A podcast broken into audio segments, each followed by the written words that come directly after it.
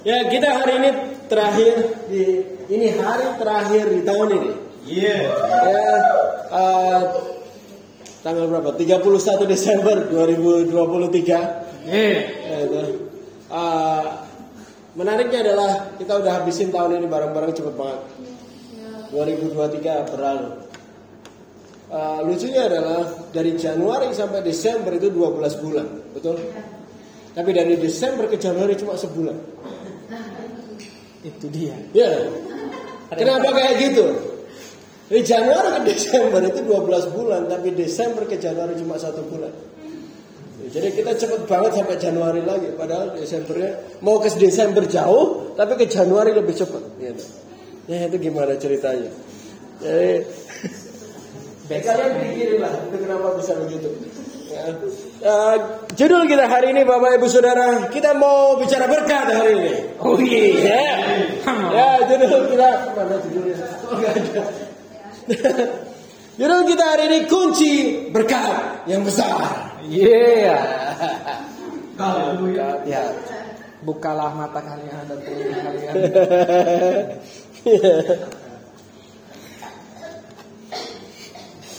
ya kita langsung aja ke Amsal. Yang punya Amsal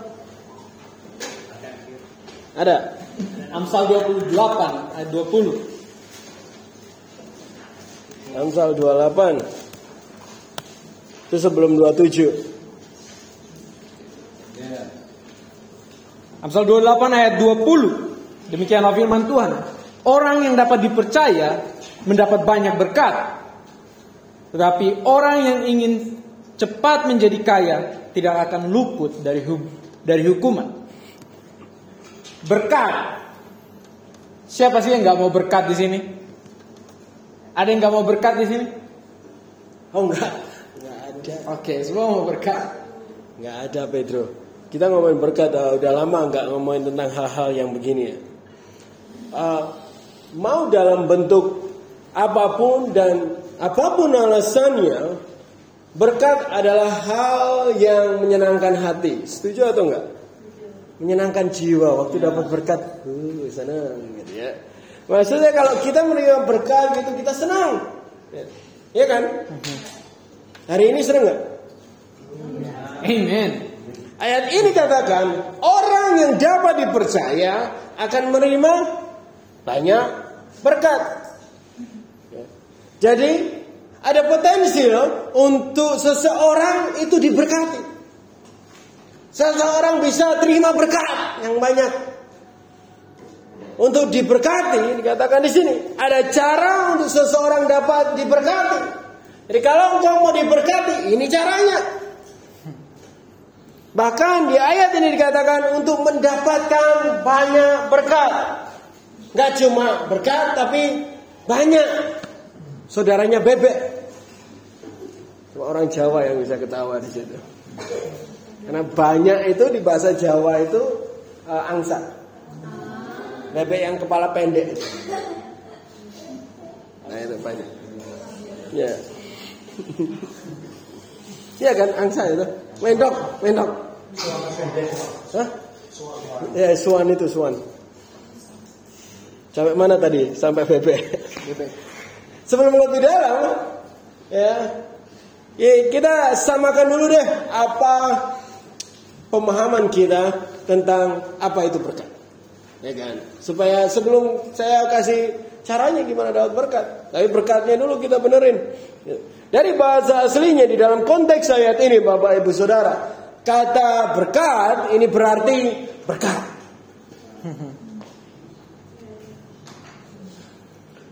Kemakmuran atau pemberian atau karunia atau pemberian atau berkat ya. Atau kemakmuran. Ya, atau juga ini sesuatu yang diberikan berdasarkan janji yang sudah dikasih tahu. Contohnya ada dijanjikan kamu kalau kerja sebulan di perusahaan ini gajimu segini, ya kan? Begitu kamu uh, bekerja sebulan kamu dapat gaji itu dijanjikan sudah dijanjikan untuk mendapatkan. Itu, juga berkat. Bicara tentang berkat itu sendiri. Jadi Salomo coba katakan di sini adalah kalau orang dapat dipercaya, orang itu akan menerima pemberian atau karunia itu. Bahkan tidak hanya sedikit tapi banyak. Akan menerima apa yang telah dijanjikan itu. Apa yang sudah menjadi haknya itu. Tapi kalau dia dapat dipercaya. Berkat di dalam ayat ini juga pastikan dipahami dan disadari bukan hanya tentang keuangan. Bukan hanya tentang materi, tetapi semua hal termasuk keuangan dan materi. Bisa mengerti? Bukan hanya keuangan, tapi keuangan juga termasuk gitu. Jadi bukan berarti kita nggak ngomongin keuangan juga gitu. Bisa mengerti? Tapi kadang pemikiran kita dipersempit dengan hanya keuangan bicara berkat. Ya, pemberian dan karunia yang diberikan kepada kita, semua itu itulah berkat. Karena sesungguhnya Bapak Ibu, Bapak Ibu Saudara, berkat dan anugerah kadang itu bukan tentang apanya. Ini tentang bagaimana kamu melihat hal tersebut. Betul? Amin. Ya kan? Bagi seseorang bisa jadi berkat dan anugerah, bagi yang lain mungkin dianggap bencana. Wah, kamu adalah anugerah bagiku. Pasangannya, kamu adalah musibah bagiku. Bisa beda-beda gitu. A ada yang mau diberkati hari ini? Mau janji yang sudah dijanjikan? Ada kunci lain di ayat ini. Banyak berkat ini diberikan ke siapa? Ke siapa? Kepada orang yang dapat dipercaya. Kami melakukan penelusuran sedikit ke sumber kata aslinya. Terjemahan yang lebih benar adalah kata setia sebenarnya dalam bahasa Inggris lebih dekat dengan keasliannya. Dalam TB nah, dalam eh, TSI agak lebih baik. Karena dalam bahasa dalam bahasa aslinya ini menunjukkan karakter setia, tidak berubah dan tidak tergoyahkan. Bahasa Jawanya adalah faithfulness, faithful, ya. stability, ya. atau steady. Jadi ayat ini seharusnya diterjemahkan sebagai orang yang setia akan mendapat banyak berkat. Amin? Kalau kamu mau berkat, kamu harus setia. Kalau kamu mau bertumbuh, kamu harus Setia. Kalau kamu mau terus ada penambahan harus setia. Kalau mau ada peningkatan kamu harus setia. Tetapi juga sebaliknya, kalau kamu tidak setia, berkat tidak akan ada. Penambahan, pertumbuhan, peningkatan tidak akan ada juga. Jadi kunci berkat yang besar adalah apa? Setia. Kesetiaan adalah kuncinya. Kalau kamu setia, kamu akan meningkat. Kalau kamu ber, kalau kamu setia, kamu akan bertumbuh. Kamu akan bertambah. Kamu akan diberkati. Sesederhana ini sebenarnya konsep. Kamu setia, kamu diberkati. Sudah. Kesetiaan adalah kuncinya Bapak Ibu Saudara sekali lagi. Nah, kalau kamu setia, kamu akan meningkat dan lakukan itu semua. Kesetiaan adalah topik yang besar tapi banyak hal yang kita bisa pelajari tentang hal itu. Baru-baru ini kami mempelajari bersama, kami melihat hal yang luar biasa tentang kesetiaan ini yang kita boleh belajar bareng-bareng hari ini. Gitu. Bagaimana kesetiaan dapat mendatangkan berkat? Bagaimana itu dari dibalik Amsal 28 20 ini apa yang sebenarnya terjadi gitu. Bagaimana kelihatannya? Saya kami mau bagikan hal itu kalau dibolehkan hari ini. Boleh? Tapi bagaimana hal ini terlihat dalam kehidupan kita dan kita mau lihat juga hal itu. Gitu ya. Yeremia 35 yang sudah dapat katakan diberkati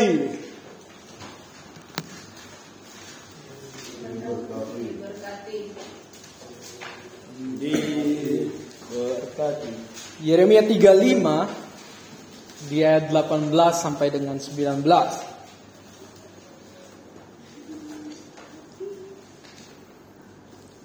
Tetapi berkatalah Yeremia kepada kaum orang Rekab, Beginilah firman Tuhan semesta alam. Tuhan Israel, oleh karena kamu telah mendengarkan perintah Yonadab, bapa leluhurmu, telah berpegang pada segala perintahnya dan telah melakukan tepat seperti yang diperintahkannya kepadamu. Maka beginilah firman Tuhan semesta alam. Tuhan Israel, keturunan Yonadab bin Rekab, takkan terputus melayani aku sepanjang masa. Jadi kita akan melihat uh, tentang siapa sih sebenarnya orang rekap ini. Siapa para kaum-kaum rekap ini yang diberkati Tuhan di sini. Jadi kaum rekap adalah semua keturunan dari rekap. Jadi kaum rekap adalah semua keturunan dari rekap. Rekap ini merupakan orang Ken. Jadi bahasa Inggrisnya Kenite. Mereka memiliki hubungan keluarga dengan orang Midian dan juga mereka merupakan keluarga dari Yitro yang merupakan bapak mertua Musa melalui perkawinan. Iya. Tetapi di sini disebutkan Yonadab. Tapi Yonadab juga adalah anak dari Rekab. Makanya disebutkan Yonadab bin Rekab. Jadi Yonadab juga adalah anak dari Rekab. Jadi anak Yonadab mereka juga merupakan kaum Rekab. Contohnya kayak gini. Sama seperti keturunan Giri Gusman. Itu seperti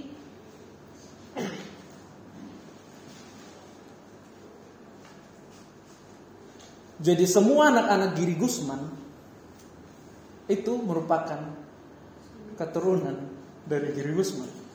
Iya dong. Dan anak-anak dari Syama mereka merupakan keturunan Giri Gusman. Meskipun anak mereka bilang kami anak Syama. Tetapi mereka itu tetaplah keturunan dari Giri Gusman. Semua bisa dapat sampai di sini gambarannya?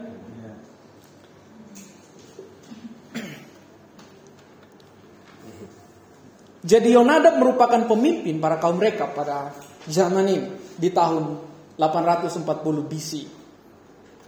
Jadi Yonadab ini mem, Yonadab ini yang memberikan mereka beberapa peraturan. Dan menariknya bahwa para kaum mereka ini mereka setia menaati aturan-aturan dan bahkan aturan-aturan ini mereka setia taati dari generasi ke generasi.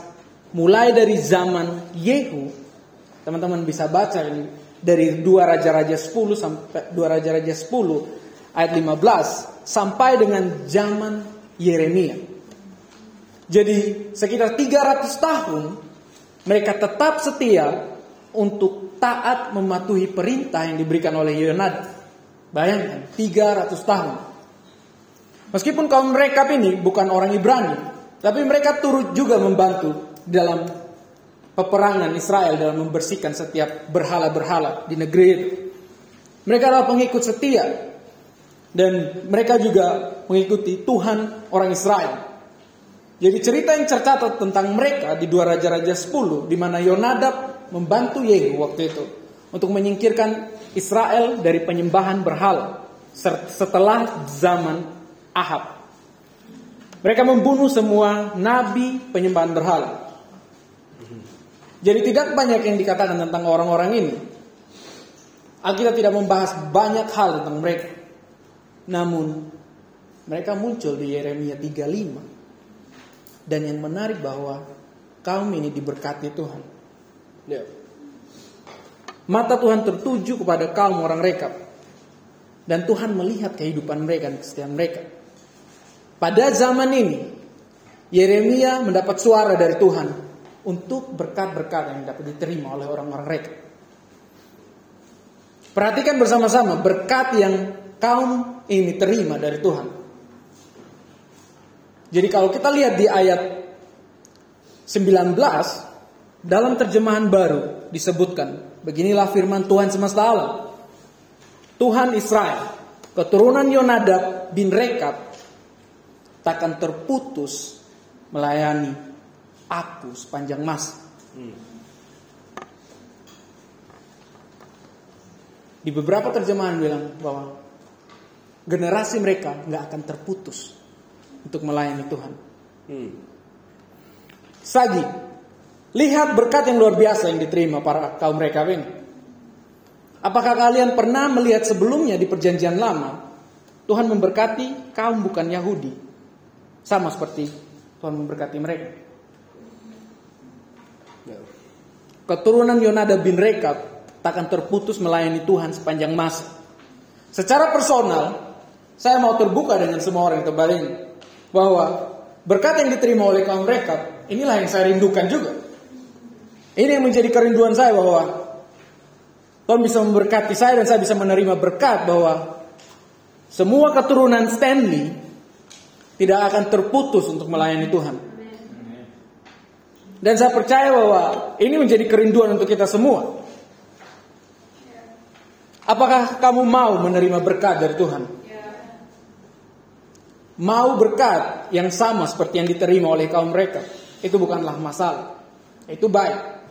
Tapi yang menjadi masalah adalah bahwa kalau kita tidak tahu bagaimana dan kenapa mereka diberkati. Tapi kami punya kabar baik untuk setiap orang di tempat ini. Inilah saatnya untuk kita dapat melihat kenapa mereka, para kaum ini diberkati oleh Tuhan. Dan Pak Giri akan bantu kita untuk hal ini. Ayo kita ke ayat 8. Kembali ke ayat 8. Di pasal yang sama di ayat 8 dikatakan ini. Kami mentaati suara Yonadab bin Rekab. Bapa leluhur kami dalam segala apa yang diperintahkannya kepada kami. Agar kami tidak minum anggur selama hidup kami yakni kami sendiri istri kami anak-anak laki-laki dan anak-anak perempuan kami. Pertanyaan yang besar dalam benak kita sekarang bahwa kenapa kaum mereka diberkati Tuhan? Bahkan Tuhan sendiri datang ke Yeremia langsung menyatakan hei perkataan berkat ini untuk mereka sebuah anugerah dan janji yang diberikan ke mereka. Di ayat ini dikatakan kami mentaati suara Yonadab leluhur kami. Apa itu leluhur? Ya, nenek moyang bukan leluhur kulit. Ya. Leluhur.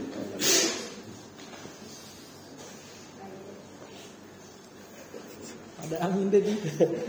Bapak mereka, leluhur mereka, orang yang sebelum mereka, generasi sebelumnya. Kita baca ayat 6. Tetapi mereka menjawab, kami tidak minum anggur. Sebab Jonadab bin Rekab, bapak leluhur kami. Lalu telah memberikan perintah kepada kami katanya, janganlah kamu atau anakmu pun minum anggur sampai selama-lamanya. Ayat 7, Janganlah kamu mendirikan rumah, janganlah kamu menabur benih, janganlah kamu membuat atau mempunyai kebun anggur, melainkan haruslah kamu diam-diam di kemah-kemah selamanya, selamanya, selama hidupmu, supaya lama kamu hidup di tanah di mana kamu tinggal sebagai orang asing. Di ayat 6, 7, 8 ini Bapak Ibu Saudara, mereka menolak untuk melakukan beberapa hal yang berbeda-beda. Tapi perhatikan ada kesamaan di beberapa di dalam tiga ayat ini. Kalau Bapak Ibu Saudara bisa lihat, mereka katakan kami mentaati suara Yonadab. Berkali-kali dia ngomong. Kami mentaati suara Yonadab bin Rekab leluhur kami. Generasi sebelum kami. Apakah ini tidak luar biasa? Generasi berikutnya tidak melakukan kesalahan Karena mereka setia terhadap apa yang generasi sebelumnya katakan. Kira-kira ada? Kata mentaati ini pakai kata syama. Ya. Mendengar dan melakukan. Amen. Setia adalah saat kamu syama terus menerus. Ada orang yang ngatakan atau tidak, kamu tetap syama, itulah setia. Dan ini yang terjadi kepada keturunan Yonadab kaum Rekab ini.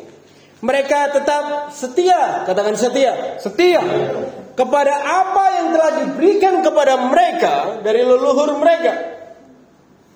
Perkataan-perkataan yang bapak mereka katakan. Mereka mendengarkannya, mereka melakukannya, dan terus dipertahankan. Itulah setia. Saya percaya mereka diberkati Tuhan di ayat 18 dan 19 yang Pedro tadi bacakan bukan karena mereka tidak melakukan hal-hal yang di ayat 6 sampai 8 tadi, nggak minum, nggak buat rumah, bukan karena itu. Bukan karena mereka lakukan hal itu, tapi mereka diberkati karena mereka setia terhadap apa yang telah dikatakan kepada mereka. Mereka berpegang dan mendasari hidup mereka kepada apa yang sudah mereka terima dari Bapaknya. Bagaimana dengan kamu? Coba tanya kanan kiri ya. Kamu gimana? Apakah kamu mau diberkati? Oh enggak ada. Apakah kamu mau diberkati? Kunci dari berkat yang mereka terima adalah setia, betul? Kita setuju dengan hal itu? Ya. Setia kepada apa? Setia kepada apa yang telah mereka dengar. Setia kepada apa yang telah mereka terima. Terima dan dengar dari bapak mereka. Dari generasi sebelumnya. Kamu perlu setia juga. Setia kepada apa yang telah kamu dengar. Setia kepada apa yang telah kamu terima. Telah kamu dengar dan telah kamu terima dari bapakmu. Nah orang Jawa itu B selalu ada kayak M-nya. Bapakmu ini. Bapak. Bapak. Ya. Supaya mantap, nggak cuma bapakmu, tapi bapakmu. Ya, tembakan bapakmu. Ya, selalu.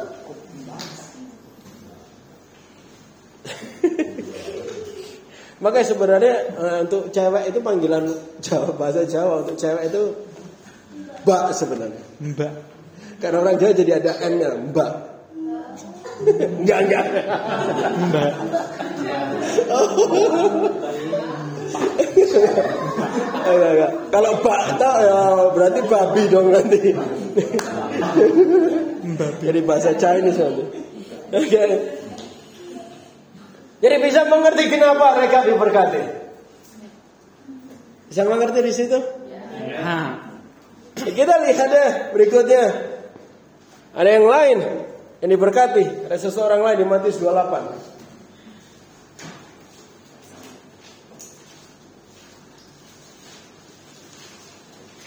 Matius 28 ayat 18 sampai 20. Kalau kamu Kristen sejati nggak usah buka udah hafal ini apa ini.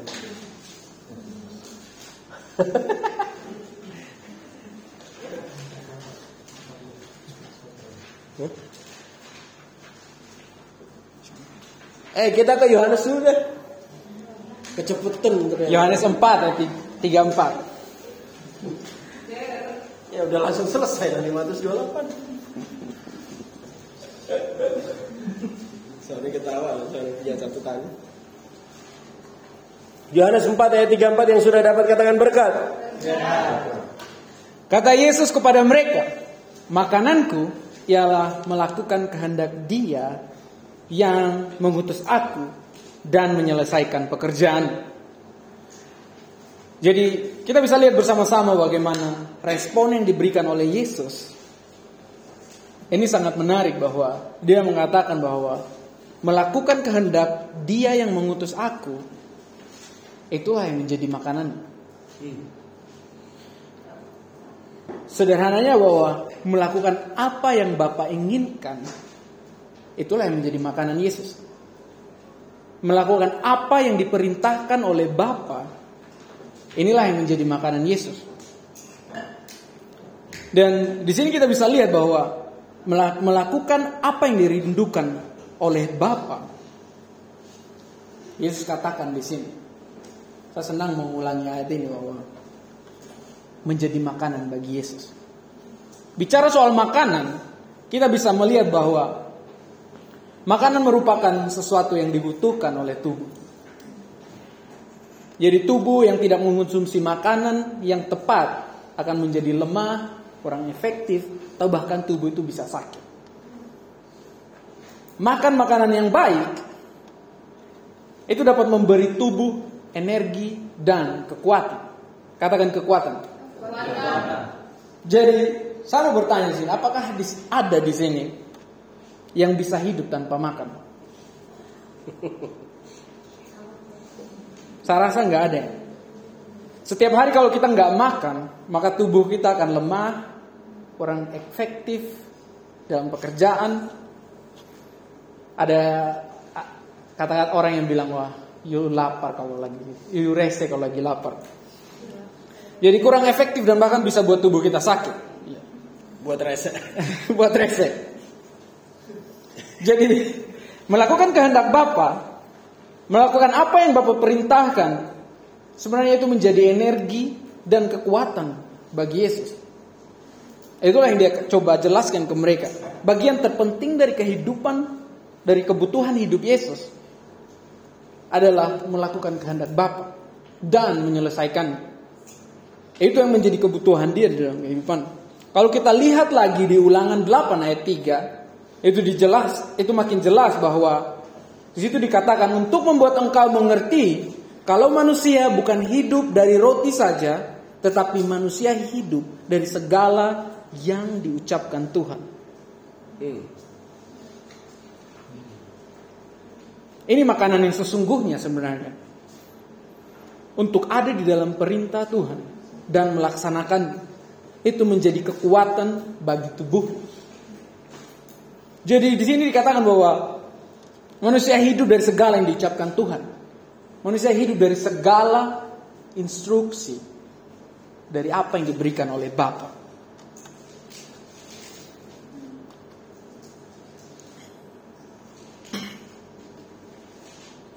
Jadi kita bisa melihat di sini bahwa Tubuhnya butuh instruksi Bapak dan tubuhnya butuh melakukan instruksi yang keluar dari mulut Bapak. Katakan Bapak. Katakan instruksi. Saya mau bertanya kepada teman-teman bahwa apakah tubuh kalian ada di dalam kebutuhan yang sama seperti ini? Lihat keturunan keturunan mereka melakukan instruksi dari bapak leluhur mereka Yonada itu menjadi kekuatan mereka dari generasi ke generasi. Saat mereka dibawa ke rumah Tuhan untuk dicobai, mereka merespon dengan percaya diri dan kekuatan mereka merespon. Itu menjadi luar biasa bahwa oh kami dan bahkan istri kami, anak kami laki-laki dan perempuan tidak akan minum anggur tidak akan mendirikan rumah, tidak akan memiliki kebun anggur, dan bahkan tidak akan menabur benih. Mereka percaya diri sekali. Mereka confidence di terhadap apa yang telah diinstruksi Bapak leluhur mereka. Sehingga ketika mereka dicobai, dibawa ke rumah Tuhan, mereka menjawab sesuai dengan Bapak leluhur mereka. Detail mereka sebutkan di situ. Dan itu menjadi kebanggaan bagi mereka. Hidup mereka ada di dalam konstruksi, di dalam instruksi yang telah diberikan oleh Bapak leluhur mereka saat itu. Tepat. Apa yang menjadi kebutuhan tubuhmu saat ini? Apa kebutuhan hidupmu saat ini? Hmm. Apa yang menjadi kekuatan dan kebanggaanmu saat ini? Kebenarannya adalah bahwa berada dalam instruksi Bapa dan melakukan kehendak Bapa Itu yang menjadi kekuatan hidup kita. Dan seharusnya menjadi kebanggaan kita.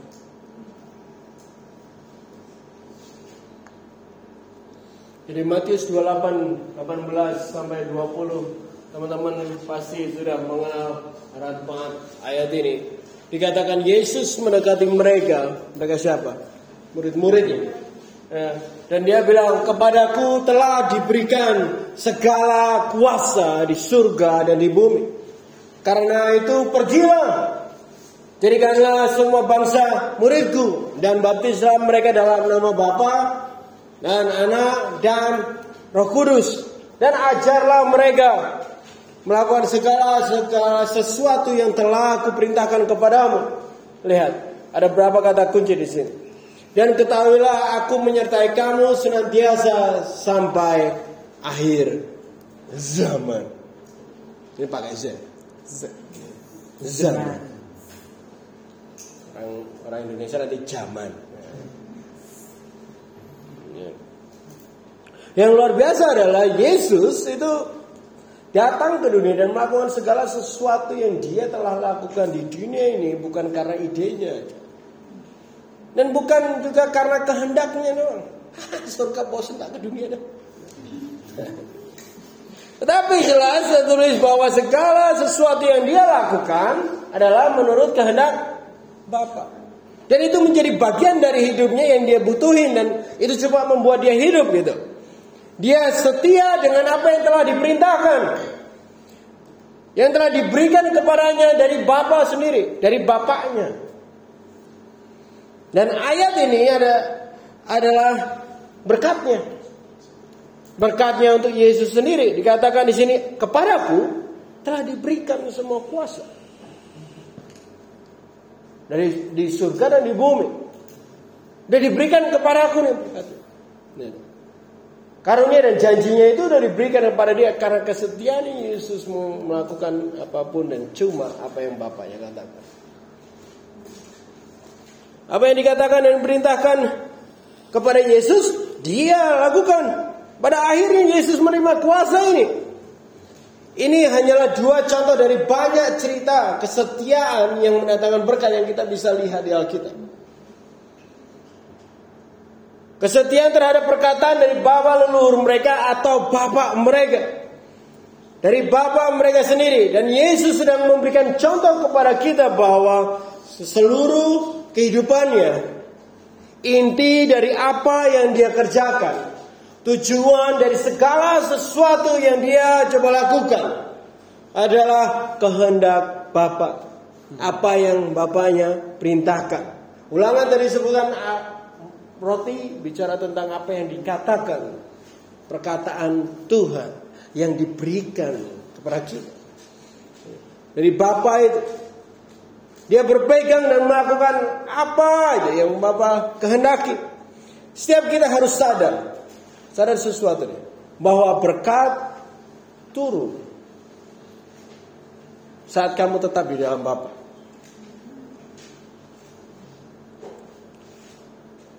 dengan tetap ada di dalam kehendaknya.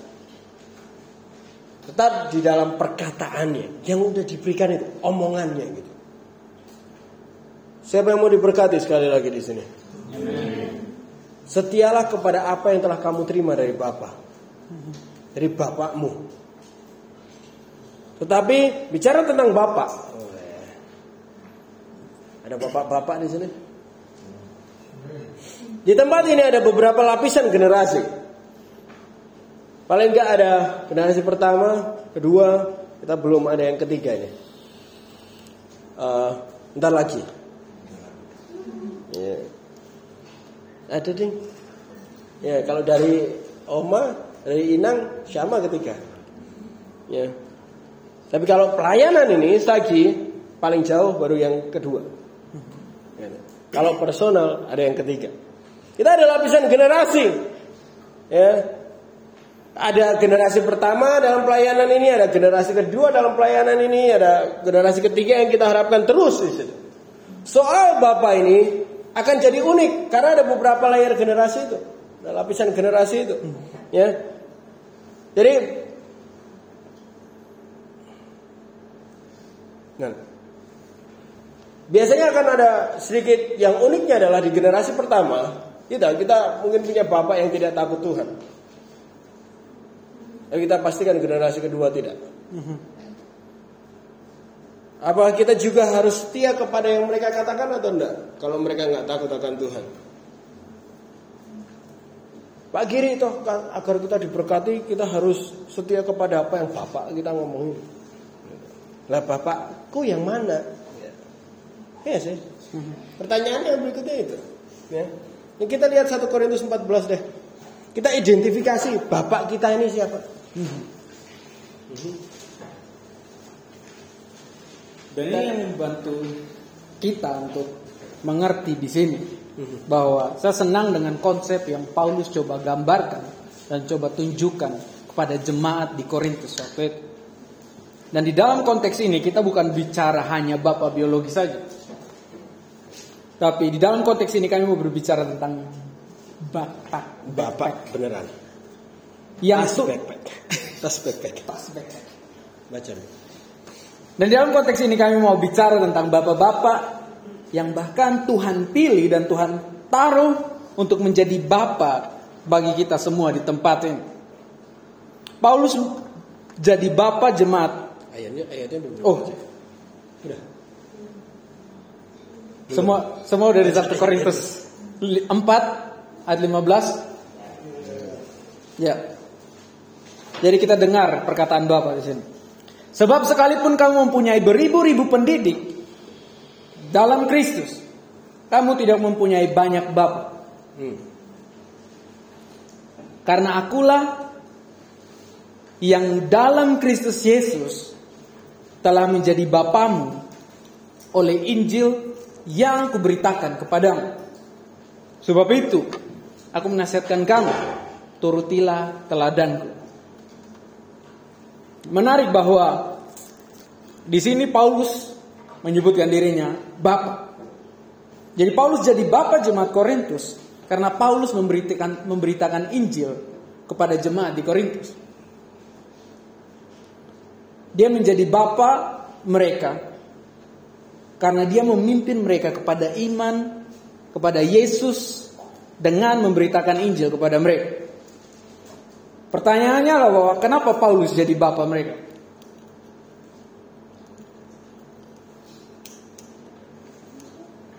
Karena Paulus lebih tua. Dikatakan di sini, akulah yang dalam Kristus Yesus telah menjadi bapamu oleh Injil yang kuberitakan kepadamu. Karena Paulus memberitakan Injil kepada mereka. Karena Paulus memberi makan. Paulus memberi makanan yaitu Injil kepada mereka. Sehingga Paulus menjadi bapak mereka. Karena Paulus jadi bapa yang memberi makan kepada jemaat di Korintus. Sebagai bapa, dia melaksanakan tanggung jawabnya sebaik mungkin. Memastikan anak-anaknya mendapat makanan. Memberi mereka makanan Injil kebenaran yang dibutuhkan hidup mereka. Dan mengajari mereka untuk menghidupi instruksi dari Tuhan. Di sini saya berbicara tentang ketika kita berbicara tentang Bapa. Ini berbicara tentang fungsi. Bukan hanya jabatan atau gelar. Atau sebutan apa pun. Jadi fungsi memberi makan dan bertanggung jawab. Bagaimana fungsi dan peran dia sebagai bapak di dalam kehidupan anak-anak. Inilah yang Paulus tunjukkan di sini. Ini yang coba dia jelaskan alasan kenapa dia menganggap mereka semua anak-anak. Dan saya mau bertanya kepada teman-teman di sini, siapa anak di rumah ini? Apakah kamu ngerasa punya bapak yang memberikan kamu makan di rumah ini? Kamu butuh sosok bapak yang seperti ini. Bapak yang selalu ada di dalam hidupmu setiap hari. Bukan bapak yang hanya ketemu kamu di setiap hari Minggu. Saya diadopsi oleh Tuhan di rumah ini. Sehingga saya punya bapak seperti Pak Bren, Pak Giri, Pak Gerwin. Dan mereka ini semua juga punya ayah. Mereka punya bapak di satu asosiasi gereja yang di atas mereka. Dan mereka juga diberi makan sama seperti kita. Dan Tuhan telah memberikan segala apa yang kita butuhkan. Di tempat ini kita punya Bapa di sini. Dan itu merupakan suatu karunia yang luar biasa. Yang selalu memberikan apa yang kita butuhkan. Memberikan kita makan instruksi kebenaran dari Tuhan untuk setiap kehidupan kita. Dan bahkan setiap hari mereka ada di sekeliling kita. Dan mereka bekerja keras untuk memberikan kita makan. Pertanyaan saya adalah bahwa kalau Bapak kita menyajikan makanan kepada kita, apakah kita mau makan? Hmm. Saya berbicara tentang makanan kebenaran. Saya berbicara tentang bimbingan kehidupan yang dari Tuhan.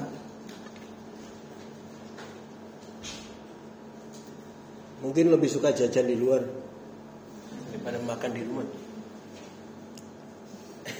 Jangan suka jajan di luar.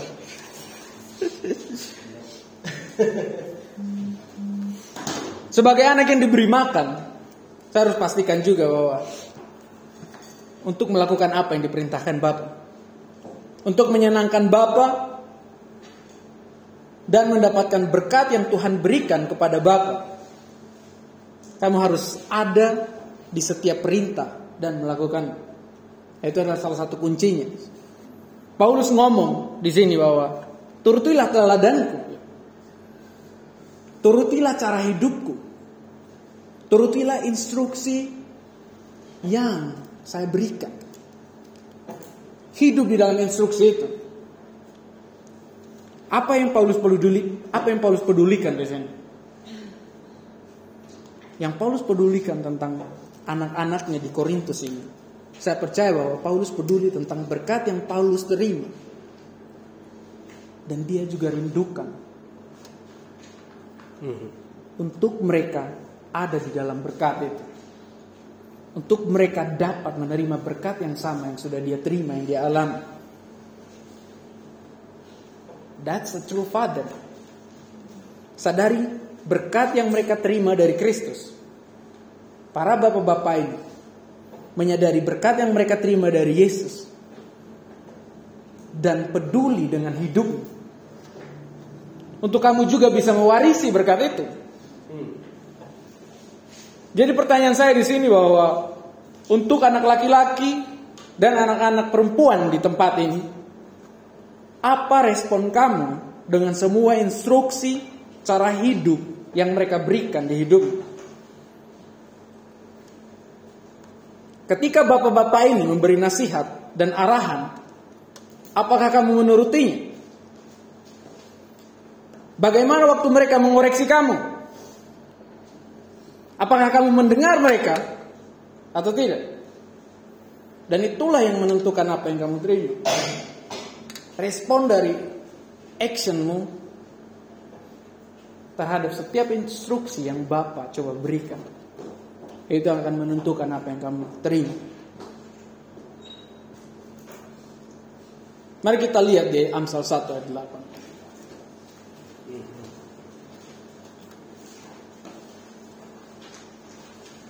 Jadi pertanyaannya kira-kira siapa yang punya bapak di rumah ini? Bapak adalah mereka yang ngasih makan kita, yang bertanggung jawab kepada kita, khususnya dalam Injil kebenaran.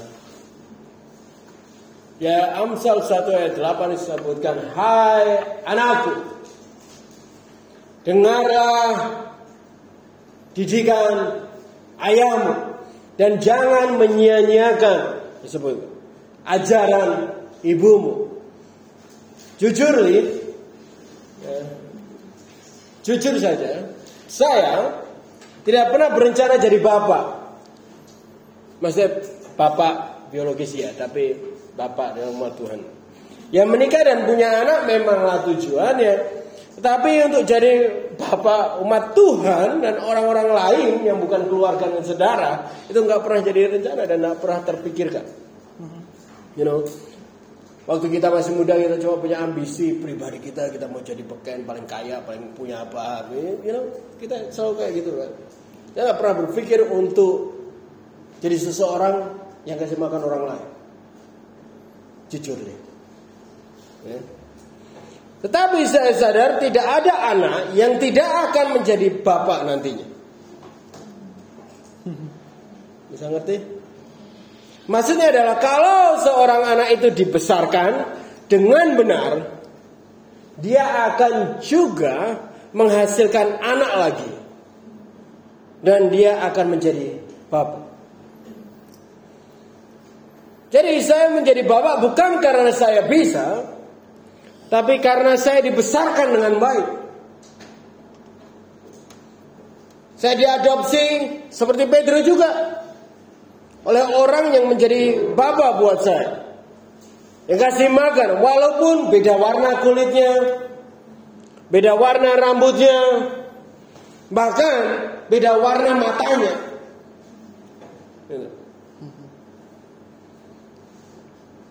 Tetapi mereka menjadi orang yang memberi makan tiap hari, menjadi orang yang bertanggung jawab terhadap hidup saya dan membesarkan saya dengan baik. Seorang bapak yang baik akan menghasilkan anak yang akan menjadi bapak yang baik juga. Ini hanya diraih dengan kualitas anak yang mendengar dan setia.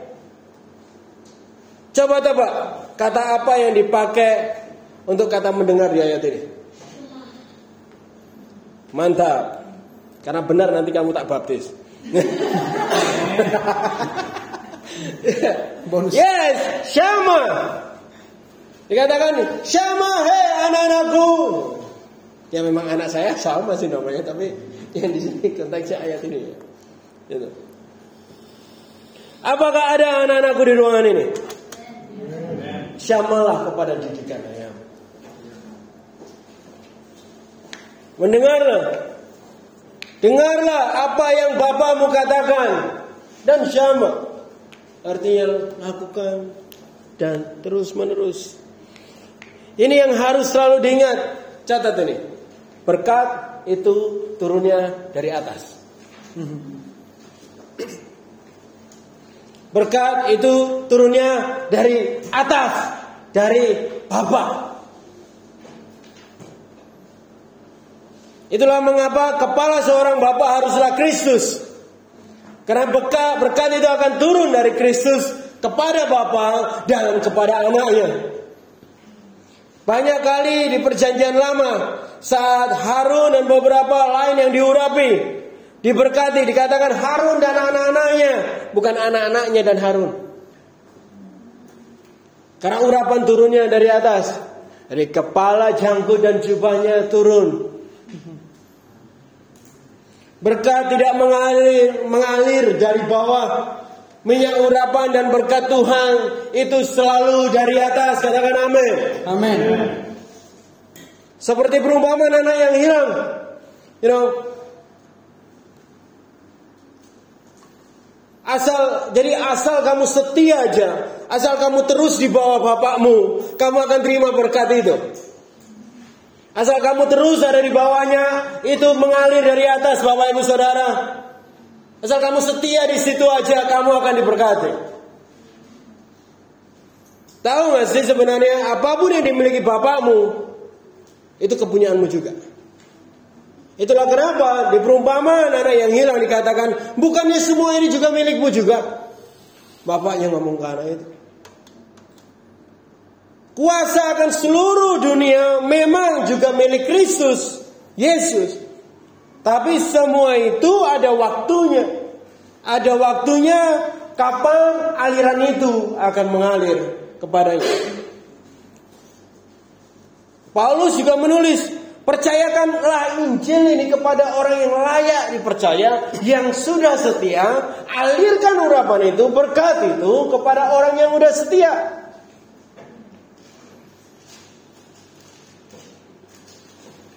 Yang sudah terbukti kesetiaanmu akan membawa berkat dari Bapamu yang turun ke dalam hidupmu. Kalau tidak setia, kekayaan itu tidak turun. Walaupun kamu pernah tahu apa yang kemungkinan kamu dapatkan. Maksud saya ini, jadi Kristen dan tahu kalau ada janji kekekalan. Tapi kalau tidak setia, kekekalan itu juga tidak akan turun ke kamu. Bisa ngerti? Kamu tahu apa yang kemungkinan jadi warisanmu saja itu tidak cukup kalau kamu nggak setia. Karena di saatnya kamu harusnya nerima, kamu nggak akan terima kalau kamu nggak di bawah situ. Hai anakku dengarlah didikan bapamu. Dengar. Setia. Sampai sini kita tahu bahwa kesetiaan membawa berkat untuk kita. Jadi PR-nya adalah untuk setia, betul? Coba ajak kanan kirinya untuk setia. Untuk setia terhadap apa yang telah kamu terima dari Bapak kita. Caranya gimana? Ini caranya. Kita kedua Timotius. 2 Timotius 3 ayat 14.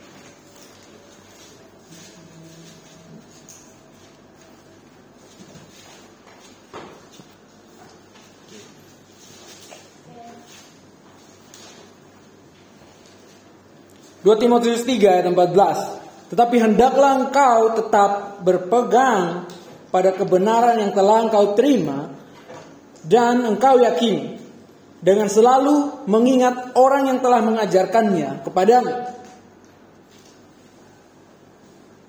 Jadi saya suka dengan ayat ini bahwa Paulus ngomong bahwa Timotius harus tetap berpegang pada kebenaran yang telah dia terima.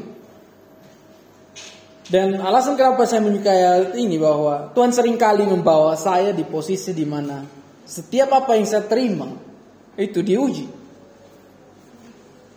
Apakah saya berpegang pada semua yang telah saya terima atau tidak?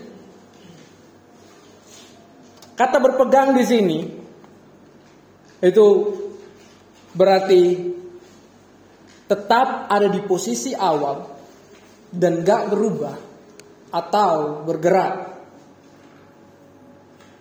Jadi semua yang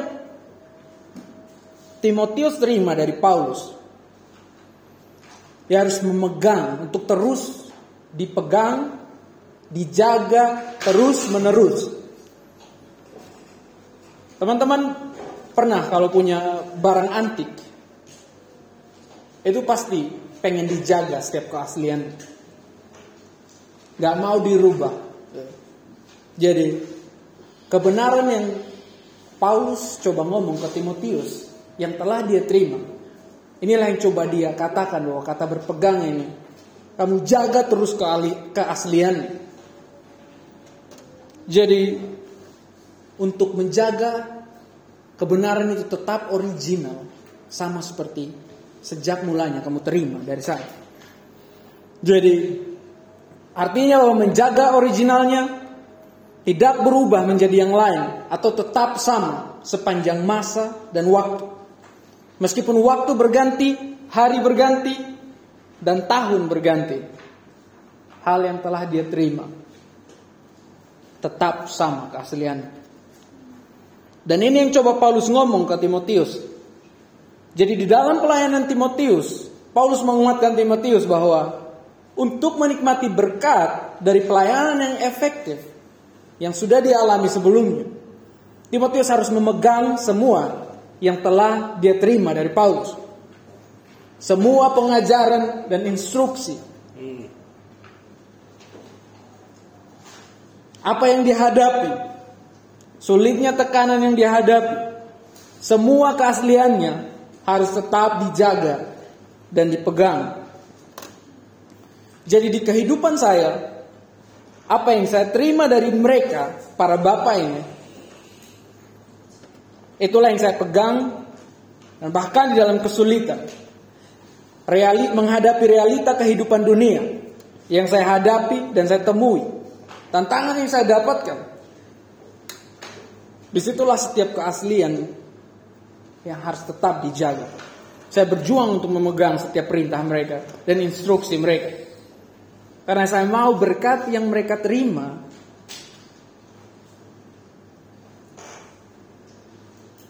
dan saya rindukan semuanya itu di kehidupan saya. Cara terbaik untuk mengebarkan hal ini adalah dengan melihat bagaimana Eliezer dengan erat memegang pedangnya. Kebenaran itu sama kayak pedang yang dia pegang saat itu. Di Samuel 2 di 2 Samuel 23 ayat 9 sampai 10 saya akan bacakan untuk kita semua. Dan sesudah dia Eliezer anak Dodo, anak orang Ahohi, ia termasuk ketiga dari pahlawan itu. Ia bersama-sama dengan Daud ketika mereka mengolok-olok orang Filistin yang telah berkumpul di sana untuk berperang. Padahal orang Israel telah mengundurkan diri. Tetapi ia bangkit dan membunuh demikian banyak orang Filistin sampai tangannya lesu dan tinggal melekat pada pedang.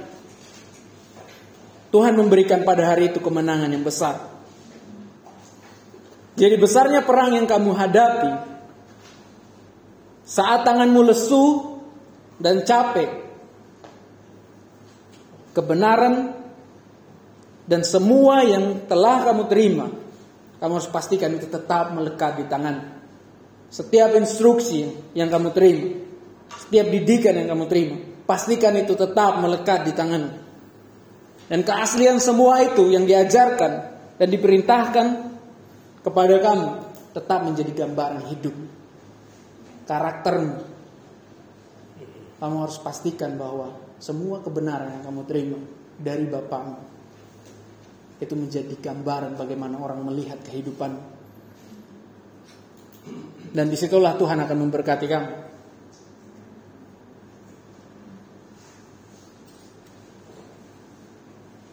Jadi 2 Timotius 1 13 kita bisa kasih itu. Sudah lapar? Sudah haus? Jangan-jangan nggak ada orang nih di rumah ini. Kita ke 2 Timotius 1 ayat 13. Ya. Gimana caranya untuk kamu terus setia? Mendengar itu satu hal yang lain. Ya kan? Melakukan tak melakukan satu hal yang lain. Tapi kita bicara hari ini untuk setia terus. Oke. Okay. Dan caranya untuk setia terus ya dipegang terus. Ya, sebagai kekuatan dan dipercayai hal itu. Dia itu dikatakan peganglah segala sesuatu yang telah engkau dengar. Apa? Apa yang harus dipegang? Yang telah engkau dengar daripada aku. Paulus ngomong ke Timotius soal ini. Gitu. Sebagai ajaran yang sehat. Dan lakukanlah itu di dalam iman dan kasih dalam Kristus Yesus. Caranya gimana terus berpegang dengan apa yang telah kamu terima. Kamu harus pegangnya di dalam iman. Katakan iman. Iman. Iman ya, bukan imron. Iman. Sederhana sih, ya dengan iman. Satu-satunya cara untuk kita tidak goyah, terus megangin pedang itu adalah ya percaya. Percaya bahwa pedang itu yang bisa bawa kamu menang. Tahu gak sih kenapa Eliezer gak pernah lepasin pedang itu? Karena dia tahu kalau tanpa pedang itu dia mati. Kenapa kamu bisa terus pegang apa yang bapakmu katakan? Karena kamu percaya setengah mati, ini toh yang akan menjaga aku hidup.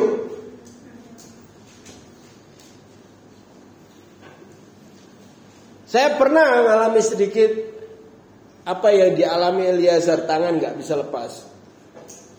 Waktu harus ngamplas segitu banyaknya furniture ini terus gitu tangan terus nggak bisa ngelepasin dari ayat ayat alat amplasnya karena tangannya udah frozen gitu.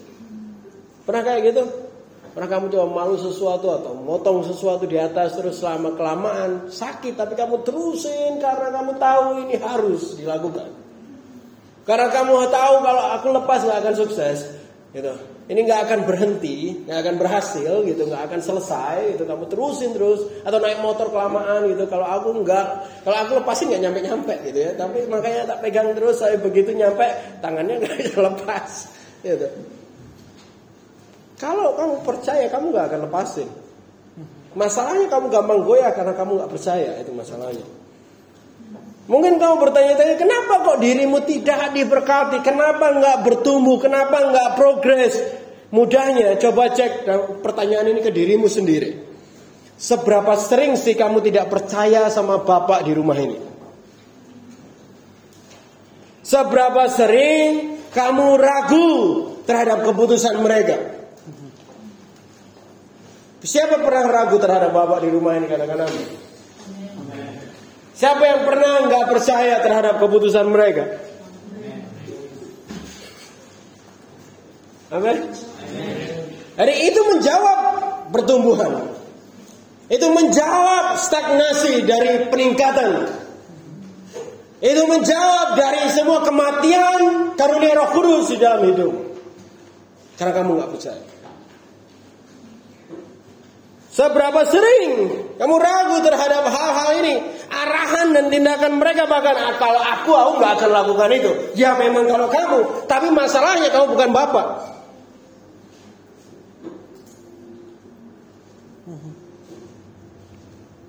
Saya kasih tahu, kamu tidak akan menerima pertumbuhan apa-apa, berkat apa-apa kalau kamu tidak percaya sepenuhnya.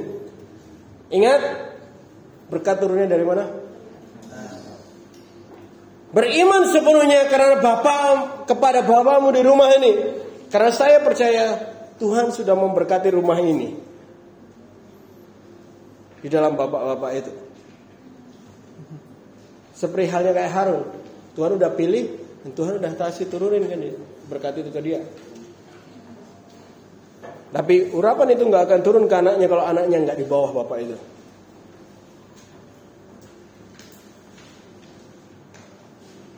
Berkat segala sesuatu. Kamu tidak akan menerima pertumbuhan apa-apa, berkat apa-apa kalau kamu tidak percaya sepenuhnya, beriman sepenuhnya kepada Bapakmu yang ada. Karena saya percaya Tuhan sudah benar-benar naruhkan itu ke rumah ini dan melalui kepala dari rumah ini.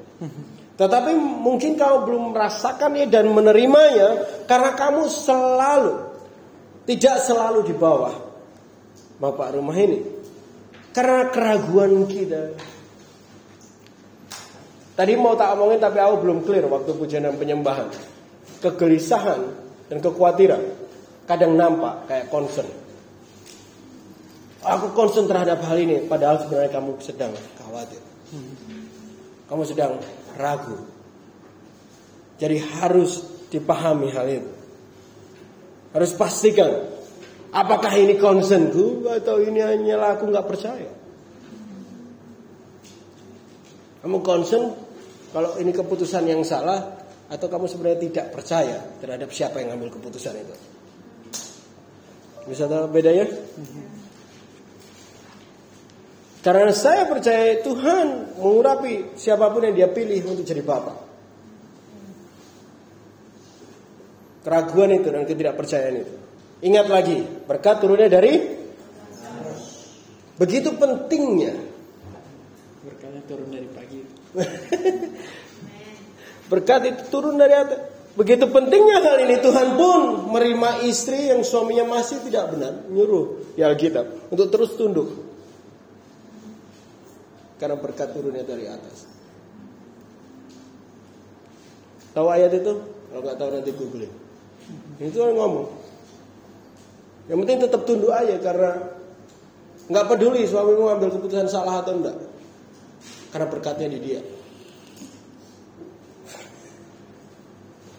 Karena memang Tuhan mau turunkan berkat itu dari atas.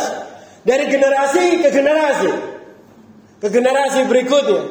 Dari bapak ke anak yang akan jadi bapak untuk anak-anak yang lain. Bayangkan seperti ini, saat kau percaya terhadap seseorang, kamu beriman dan kamu akan terus bertahan di bawahnya sehingga kamu dapat terus berkat itu. Dan di situlah saat itulah menyaur apa berkat itu yang diterima dari bapakmu dari generasi sebelumnya terus netes ke dalam kehidupanmu juga. Semua yang telah mereka dengar ya terus mereka terima terus diteruskan ke kamu jangan biarkan itu berhenti. Don't stop, believe it. Ya. Karena harus terus pegang erat perkataan yang telah kamu terima. Supaya ada kami atau enggak. Karena suatu saat kami sudah tidak ada di depan kalian juga. Jelas kalau dari umur kami akan pulang duluan dari beberapa dari teman-teman. Saya berharap generasi kita akan selalu katakan kami tidak akan lakukan hal ini karena bapakku nggak boleh. Ada kita atau enggak? Dan itu dimulai dari kita. Kami tidak akan lakukan itu karena kami menaati leluhur kami. You? Peganglah teguh apa yang telah kamu terima dengan cara harus percaya akan hal ini. Percaya sepenuhnya. Peganglah kebenaran dan iman itu sepenuhnya. Amin. Bisa mengerti di sini? Saya rindu Syama, anak-anak Syama akan bilang aku gak akan lakukan itu, papaku nggak boleh. Bahkan secara generasi gereja. Jadi harus pahami hal ini. Saya merenungkan soal generasi-generasi setelah Kamis kemarin. Karena saya dari gereja yang harusnya tetap seperti yang di Aziza Street itu. Tanya saya kenapa tidak? Karena generasi berikutnya nggak berani ngomong kayak anaknya Yonadab. Nggak aku nggak akan lakukan itu walaupun semua orang lakukan itu. Aku nggak akan lakukan ini karena bapakku nggak nyuruh aku lakukan ini. Karena makananku adalah melakukan kehendak bapakku. Kita ke kejadian sebelum kita baptisan dan makan siang. Kejadian 49 ayat 26.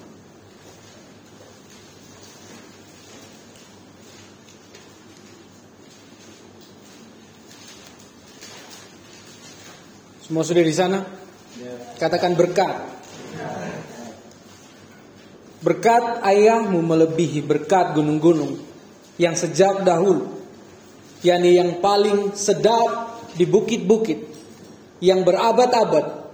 Semua itu akan turun ke atas kepala Yusuf, ke atas batu kepala orang-orang yang teristimewa di antara saudara-saudaranya. Ah,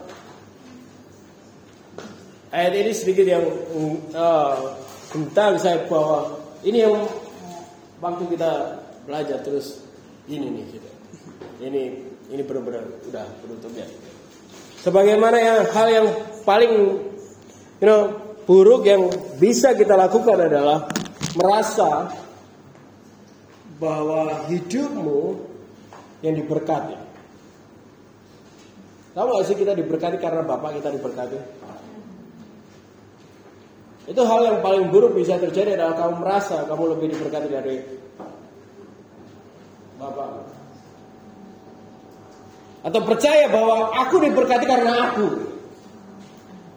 Karena aku sudah melakukan ini semua. Dan ini yang membuat mereka tidak akan pernah bisa setia kepada Bapak yang Tuhan taruh ke dalam hidup mereka. Karena mereka memandang semua ini adalah prestasi dia sendiri. Tuhan bekerja secara generasi. Generasi ke generasi. Kenapa kok Israel diberkati sampai hari ini? Karena Abraham. Dan kenapa kamu diberkati sampai hari ini? Karena Tuhan setia terhadap generasi di atasmu. Aku pernah bilang dari semua, kenapa kok kamu di sini hari ini? Karena Tuhan sayang orang tuamu. Dia selamatin kamu, ubah kamu. Sebenarnya dia pengen orang tuamu juga. Yang orang tuamu sama mungkin nggak taat atau you know menolak atau keras kepala. Dan kamu di sini karena janji dia terhadap keturunan di atasmu. Karena berkat atas mereka. Bukan karena kita yang setia, karena Tuhan setia terhadap apa yang dia udah kasih. Dia mau tetap kasih ke kamu. Jadi bukan kita yang diberkati. Ayat ini katakan berkat ayahmu melebihi berkat gunung-gunung sejak dahulu. Dan berkat ini turun ke siapa? Di ayat ini.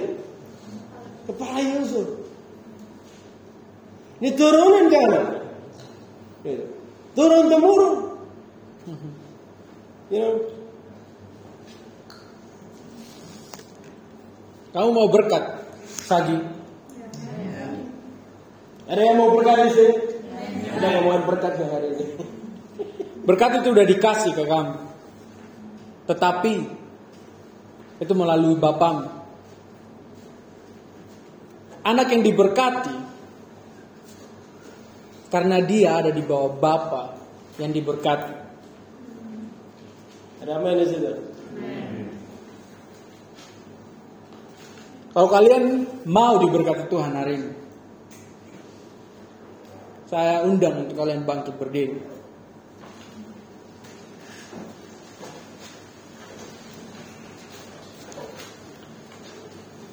Mari kita bangkit berdiri dan mengucap syukur kepada Tuhan untuk bapak-bapak yang sudah dia pilih dan dia taruh untuk tidak untuk ada di dalam kehidupan kita.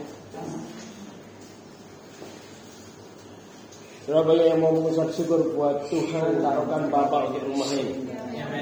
Angkat kedua tangan dan naikkan ucapan syukur. Syukur